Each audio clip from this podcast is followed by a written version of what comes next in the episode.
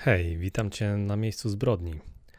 Na wstępie chcę zaznaczyć, że ten odcinek jest mocno inspirowany śledztwem przeprowadzonym przez Aleksieja Nawalnego, jego ekipę i inne redakcje, więc jeżeli znasz język rosyjski lub angielski, naprawdę zachęcam do obejrzenia jego filmu oraz zajrzenia do innych źródeł, które oczywiście zamieszczam w opisie. Ta sprawa jest jak dobry kryminał i być może kiedyś zawita na ekranach. Mamy więc opozycjonistę walczącego z reżimem, grupę agentów służb specjalnych, w skład której wchodzili m.in. specjaliści od broni chemicznej, którzy śledzą ekipę podczas podróży po kraju i wreszcie próbę eliminacji środkiem, którego teoretycznie w Rosji nie ma. Szczęśliwie zakończono niepowodzeniem. Najbardziej niesamowite jest to, że niezależnej grupie Bellingcat udało się ustalić e, tożsamość wszystkich domniemanych sprawców, korzystając wyłącznie z laptopa, internetu i kilku skorumpowanych urzędników. Sprzedawali oni po prostu wyciągi rozmów telefonicznych oraz listy pasażerów w internecie. Władze Federacji Rosyjskiej odmówiły wszczęcia śledztwa w tej sprawie, jednak wyniki zostały zweryfikowane i potwierdzone m.in. przez reporterów śledczych z The Guardian czy CNN. Po tym przydługim wstępie witam Cię serdecznie na miejscu zbrodni, podcaście opowiadającym przeróżne historie kryminalne z kraju i ze świata. Produkcja każdej minuty treści kosztuje mnie średnio godzinę pracy, a YouTube i tak zazwyczaj nie pozwala wyświetlać reklam ze względu na kontrowersyjne tematy, którymi się zajmuję. Zostaw więc proszę po sobie ślad w postaci łapki w górę, komentarza, subskrypcji i dzwoneczka. Miejsce zbrodni jest również dostępne w formie podcastu w większości aplikacji służących do jej słuchania, więc serdecznie zapraszam, a jeżeli już to robisz, to dziękuję i pozdrawiam. Część tego odcinka będzie inna niż wszystkie, ponieważ chciałbym, abyście posłuchali go z innej perspektywy i wczuli się w rolę. Dlatego też napisałem go z perspektywy obserwatora, a to ty jesteś ofiarą, ale i detektywem. Drogi słuchaczu, poznaj więc i wczuj się w swą rolę. Już? Gotowy? Świetnie. Nowa Rosja to dziwny kraj po upadku Związku Radzieckiego ustrój teoretycznie zmienił się na demokratyczny, jednak przy władzy, jak i w zarządach państwowych spółek wciąż zasiada wielu przedstawicieli establishmentu wywodzących się z czasów słusznie minionych. Podobnie jak w Polsce, po transformacji miała miejsce prywatyzacja, jednak nie doprowadziła ona do urynkowienia gospodarki, a stworzyła ustrój oligarchijno-mafijny, w którym kraj funkcjonuje do dziś. Partia rządząca od lat ma zdecydowaną większość w parlamencie, a kontrolowana opozycja istnieje głównie na papierze. W tej oto postradzieckiej rzeczywistości, trzymanej obecnie żelazną ręką Władimira Władomirowicza, to ty, bohater dzisiejszego odcinka, spędziłeś większość życia. Wcielasz się w rolę Aleksieja Nawalnego, rosyjskiego działacza opozycyjnego, który na swoim kanale obnaża korupcję władzy i marnotrawstwo państwowych środków oraz m.in. pokazuje majątki, jakich dorobili się ludzie związani z obozem rządzącym. Oczom milionów ludzi pokazujesz jachty, domy, chociaż prawdę mówiąc są to raczej pałace, prywatne odrzutowce i wiele innych składników majątkowych będących w posiadaniu osób czy ich rodzin, które w oczywisty sposób nie mogły dorobić się ich z rządowej pensji. Rzecz jasna, Twoja działalność jest władzy mocno nie w smak. 14 sierpnia 2020 roku wraz z ekipą wyruszasz w podróż z Moskwy do Nowosibirska. Po trzech dniach, 17 sierpnia, udajesz się do Tomska. Do Moskwy wrócić masz samolotem 20 sierpnia. W trakcie lotu robi ci się źle. Naprawdę źle. Krzyczysz z bólu o pomoc, ale na pokładzie nie da się więcej zrobić. Samolot ląduje awaryjnie. Jesteś w śpiączce. Hej, dzień dobry. Dobrze, że mnie słyszysz. To znaczy, że jeszcze żyjesz. Pewnie chwilowo, ale przywieźliśmy cię w międzyczasie do Niemiec, na wszelki wypadek. Ustaliliśmy też parę rzeczy. Jak zapewne rozumiesz, szansa na to, że ktoś niezwiązany z ekipą podróżuje dokładnie tą samą trasą w tych samych datach jest bardzo mała, więc jeżeli cię śledzą, będzie można to zobaczyć na przykład na listach pasażerów linii lotniczych. Skąd jednak uzyskać takie informacje? Nie można przecież od tak sobie wydrukować manifestu pasażerów danego lotu. Spokojnie, Aleksiej, to jeszcze nie Cyberpunk 2077, ale blisko. Cóż, jak już wspomniałem na wstępie, Rosja to taki kraj, gdzie jak ktoś ma pieniądze, to wsio horoszo. Pieniądz potrafi otworzyć niejedne drzwi, a skorumpowani urzędnicy dostarczyć pożytecznych informacji. Okazuje się bowiem, że w rosyjskim darknecie jest całkiem sporo sprzedawców oferujących wszelakie usługi. Można więc pozyskać wyciągi czyjegoś telefonu i sprawdzić listę połączeń oraz lokalizację, jak i listy pasażerów, m.in. samolotów czy pociągów.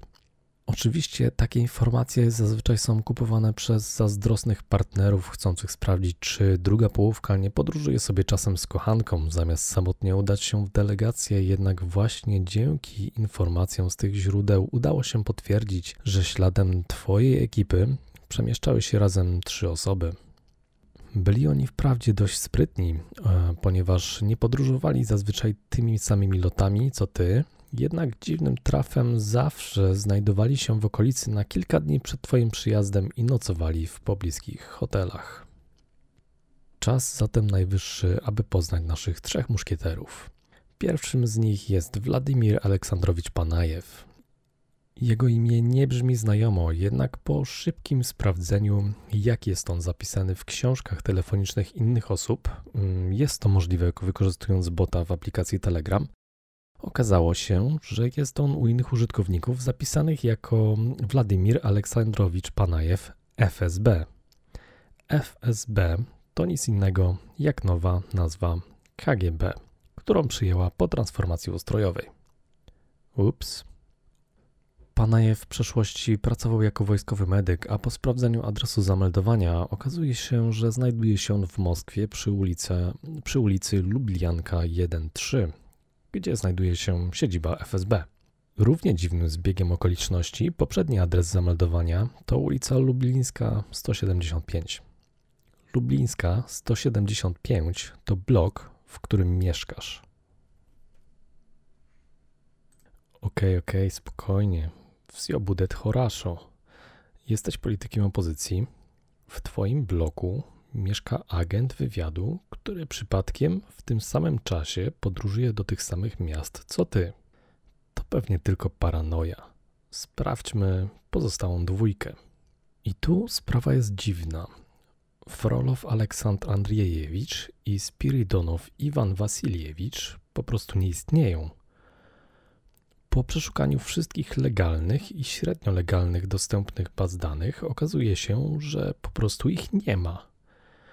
Nie mają nieruchomości, samochodów, prawa jazdy, świadectwa ukończenia szkoły, świadectwa urodzenia, nic. Ci ludzie po prostu nie istnieją. Okazuje się, że po dogłębnym sprawdzeniu latali oni za tobą w przeszłości, ale wciąż oficjalnie nie istnieją, a mimo to lecą razem z samolotem kilka dni przed tobą i mają zarezerwowane bilety na lot powrotny dzień po twoim powrocie, które zwracają. Chyba coś im nie wyszło? Przypominasz sobie, że kilka lat temu lecąc samolotem nagle zrobiło ci się bardzo źle. To nie były mdłości ani nic takiego. Po prostu nagle poczułeś, że umierasz. Nie czułeś mdłości, zawrotów głowy, ogólnie złego samopoczucia. Nic oprócz tego wewnętrznego przeświadczenia, że dzieje się coś bardzo złego i zaraz po prostu upadniesz na podłogę i już nie wstaniesz. Na szczęście po chwili poczułeś się już lepiej, a objawy ustąpiły. Okazuje się również, że podobnego odczucia podczas innej delegacji doświadcza Twoja żona. Na szczęście jej również nic się nie dzieje. Może faktycznie oszalałeś? Podczas feralnego lotu z Tomska do Moskwy 20 sierpnia nagle poczułeś się fatalnie. Jednak tym razem obmycie twarzy wodą chwila odpoczynku nie pomogła. Wylądowałeś w śpiączce. Jak się później dowiadujesz, tak właśnie działa nowiczok. Broń chemiczna opracowana jeszcze za czasów ZSRR. Wszystko zależy od dawki.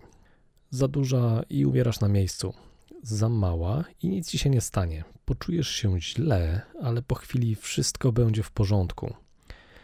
Średnia dawka uśmierci cię po kilku godzinach, i to właśnie dawkowanie jest najbardziej problematycznym elementem wykorzystania tego środka. Najdziwniejsze jest to, że nic cię tak naprawdę nie boli. Może zabrzmi to dziwnie, ale po prostu czujesz, że umierasz. Zacznijmy może od tego, czym dokładnie jest nowiczok. Jak podają źródła, jest to prawdopodobnie jedna z najbardziej toksycznych substancji na planecie, a uzyskanie jej samodzielnie jest po prostu niemożliwe. Wymaga to bowiem wykorzystania wysokiej klasy laboratoriów. Oczywiście, jak powszechnie wiadomo, Rosja, będąc sygnatariuszem umowy o likwidacji środków masowego rażenia, pozbyła się zarówno broni chemicznej, jak i środków jej wytwarzania. We wrześniu 2017 roku Rosja oświadczyła, że wszelkie zapasy broni chemicznej zostały zniszczone.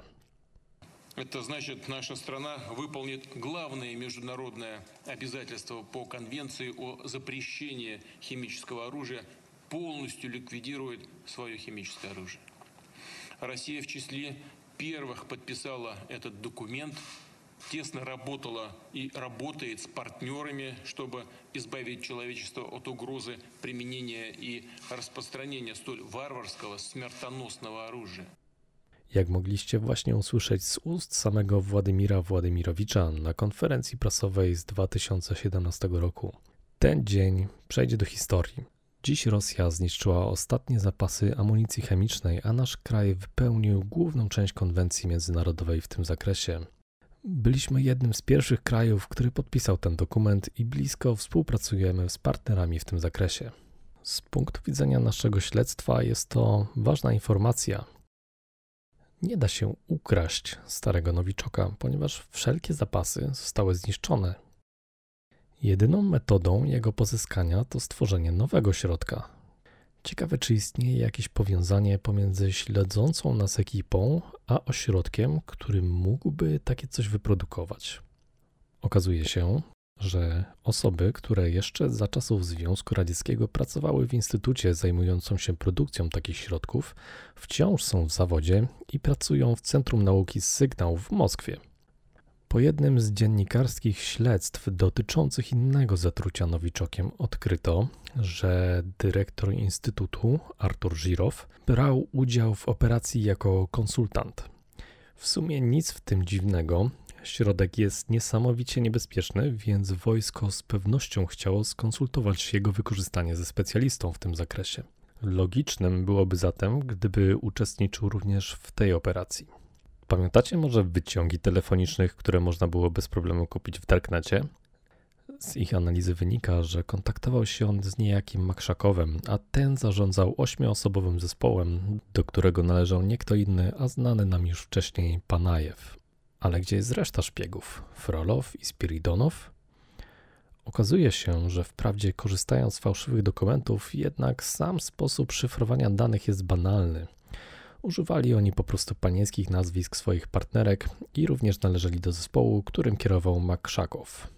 Podsumowując, mamy tajny ośrodek produkujący truciznę, współpracujący bezpośrednio z zespołem śledzącym naszego głównego bohatera i dwie prawdopodobne próby wcześniejszego zatrucia, które zakończyły się niepowodzeniem. Może to jednak tylko przypadek i wcale tak nie było? Czy są jeszcze jakieś inne dowody? Po sprawdzeniu list pasażerów pociągów, samolotów i lokalizacji telefonów, które również można po prostu kupić w internecie, okazuje się, co następuje. Od 2017 roku grupa szpiegów w różnych kombinacjach podróżuje po kraju. Po porównaniu dat i kierunków ich podróży z podróżami Nawalnego okazuje się, że nakładają się one na siebie niemal idealnie. 18 września Panajew z Aleksandrowem wylatują z Omska do Moskwy. Nawalny leci tą samą trasą o 5.50 rano, a oni zaraz po nim. 9 czerwca leci z Moskwy do Perma. Panajew i Aleksandrow już tam są, przylecieli dzień wcześniej. 19 maja Nawalny leci do Pędza, Osipow i Kriwoszczekow wylecieli tam kilka godzin wcześniej. Następnego dnia wyjazd do Ulianowa, obaj szpiedzy jadą za nim. 3 marca 2017 Nawan leci z Moskwy do Samary. Dwa dni wcześniej dwóch agentów FSB wyrusza pociągiem na miejsce. Następnego dnia z Samary do Ufy. Agenci jadą za nim. 5 marca wyrusza z Ufy do Kazania. Agenci lecą z nim tym samym samolotem. Następnie pociągiem skazania do Niżnego Nowogrodu, kolejnego dnia z Nowogrodu do Moskwy, cały czas w towarzystwie agentów. Nowokuznieck, Archangelsk, Kirow, Władywostok, Czelabinsk, Nowosibirsk. W sumie udało się ustalić, że agenci podróżowali za nim co najmniej 36 razy. Każdy z nich miał wykształcenie medyczne lub chemiczne, więc nie byli to zwykli ludzie z łapanki. Nigdy też nie jeździli za nim, jeżeli nie zatrzymywał się na noc w hotelu. Cała operacja trwała 3,5 roku. Oczywiście tak szeroko zakrojona operacja nie mogła się odbyć bez rozkazu z samej góry. Co mogło jednak skłonić FSB do jej przeprowadzenia? Okazuje się, że tuż przed jej rozpoczęciem Nawalny opublikował film, w którym zapowiedział, że będzie kandydował na prezydenta Federacji Rosyjskiej. Mamy więc już wszystkie elementy układanki: motyw, zleceniodawców, wykonawców, ofiarę i środek. W następnym odcinku przyjrzymy się samej próbie dokonania czynu, którego nazwy ze względu na algorytmy wymówić nie mogę i dowiemy się, co ma na ten temat do powiedzenia jeden z agentów, do którego udało się dodzwonić. Dziękuję serdecznie za wysłuchanie i do następnego. Cześć.